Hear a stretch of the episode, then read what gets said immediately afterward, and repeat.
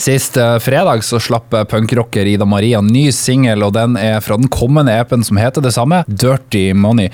Ida Maria, gratulerer med release. Tusen hjertelig takk, Tommy. Du, Hva handler Dirty Money om? Den handler om uh, skitne penger. Uh, Nei, altså, folk må få, få høre sjøl og gjøre seg opp meninger. ikke sant? Det ligger jo mye i tittelen. Eh, jeg ser at du, eh, du, du, har sagt at eh, du ser deg lei av rikinger i bransjen som, som kjenner seg søkkrik på andres harde arbeid. Kan du si litt om det? Jeg har sittet fast i en sånn gammel dinosaurdel av musikkbransjen i USA, kan du si. Mm. Eh, mens alle andre har hatt indie-selskap og sluppet musikken sin, så har jeg sittet fast i en kontrakt i mange år og måtte bare innfinne meg med de sånne utdaterte kvinneideal som de holder på med borti USA og sånn. Mm. Så, så, nei, så, det er ikke så mye relatert til norsk musikkbransje jeg snakker om. Jeg snakker om en, kan du si, propagandaapparatet borti USA, da. Ja. Som er ganske kraftig. Så nei, det er interessante tider, for det er mange, mange sterke, sammensatte kvinnekarakterer som kommer mer og mer frem pga. at uh, indie-musikk og sant, eh, folk får slippe sin egen musikk, og man kan være i direkte kontakt med sine fans. og sånn, Så det gjør mye for ytringsfriheten. Det er en positiv utvikling. For, eh, altså, Internett har betydd mye for kunstnerisk uttrykk. Ikke sant, Men hvordan er det mm. egentlig for, for kvinner i musikkbransjen? Du, du sier i USA. Ja, nei, der er det jo veldig mye handler jo mye om overflate. ikke sant? De har på en måte en annen kultur enn det vi har i Europa, kanskje særlig i Skandinavia, da, som er litt mer sånn ja, at kvinner skal være mer til pynt, og, og mannfolkene er de som på en måte tjener pengene. og Det er ikke noe gærent med det i utgangspunktet, men, men, men siden jeg kommer fra en skandinavisk eh, kultur hvor eh, jeg har vokst opp med at min mor har alltid jobba, ikke sant. Og hun har ikke vært til pynt, selv om hun er en veldig vakker person. ikke sant? Så vi har vokst opp med helt andre kvinneideal i, i Skandinavia enn det de har gjort borti USA, og kanskje ikke minst den nordnorske kvinnen er jo, er jo en sak for seg sjøl, ikke sant. Så nei. Så det, det har vært en uh, interessant vei, og jeg har lært mye og sett mye av både meg sjøl og verden, kan du si. Men, men, vil du si at hvis, hvis, man er kvinne, så er det en fordel å liksom være signert til et indie-label?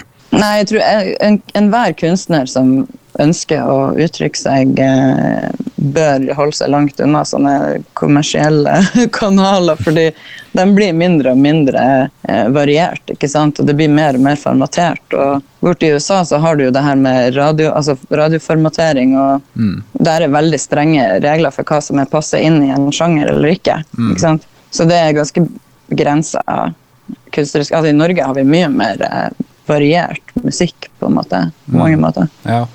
Eh, det her er jo en låt, eh, altså Dirty Money, det er fra, fra en kommende EP. Eh, når kommer EP-en, og, kan du si litt om, om, om arbeidet som du har lagt bak, bak, det? Ja, Det har vært veldig interessant å skal slippe en, en slags musikk og lage musikk i det hele tatt under en pandemi. Jeg var jo heldig og fikk gjort ferdig mye av innspillinga borte i Los Angeles før, jeg, før nedstengingene kom, men det ble ikke helt ferdig. Så jeg måtte gjøre ferdig en del eh, vokalinnspillinger på Nesna og i Mo i Rana.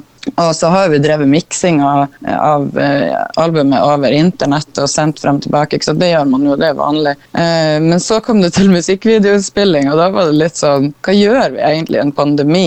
Eh, så det ble sånn at han Per Heimli kom eh, nordover til Nesna, og så har vi akkurat gjort en eh, fantastisk artig musikkvideoinnspilling til Dirty Money, da, hvor vi fikk hjelp fra lokalbefolkninga. og ja, Det var en veldig veldig artig opplevelse. Så da var vi, holdt vi oss innenfor de kommunale reglene, som var maks fem personer. Vi var fire stykker som laga video. Med eller uten munnbind? Eh, med munnbind og uten. okay. ja. det var ikke så veldig lett. Og, jeg tror ikke vi brøt noen regler. Vi var en kohort, liksom. Ja. De andre låtene som er på EP-en som kommer eh, den 25. juni, eh, kan du si litt om de? Er de i samme stil, liksom? Ja, det det, det, er jo stort sett uh, i rockelandskapet, ja, de, de låtene her. Og noe er tyngre rock enn annet. Altså det, det, går mellom hardcore og punkrock og eh, til tider altså så, så Dirty Money er jo en metal eh, Det er jo sånn Fikk jo akkurat en follow fra Tommy Lee ikke sant, fra Mutley Crew Mm. på Instagram, hvor han digga den låta. Og det sier litt om hva slags type låt det er. Det er en sånn her eh, 90-talls Sunset Strip eh, Ja, rock ja, banger, liksom. Artig. Det er veldig kult med sånne tilbakemeldinger. Eh, Du var jo også på eh, TV-skjermen i De neste. Hvordan var det å være programleder på NRK?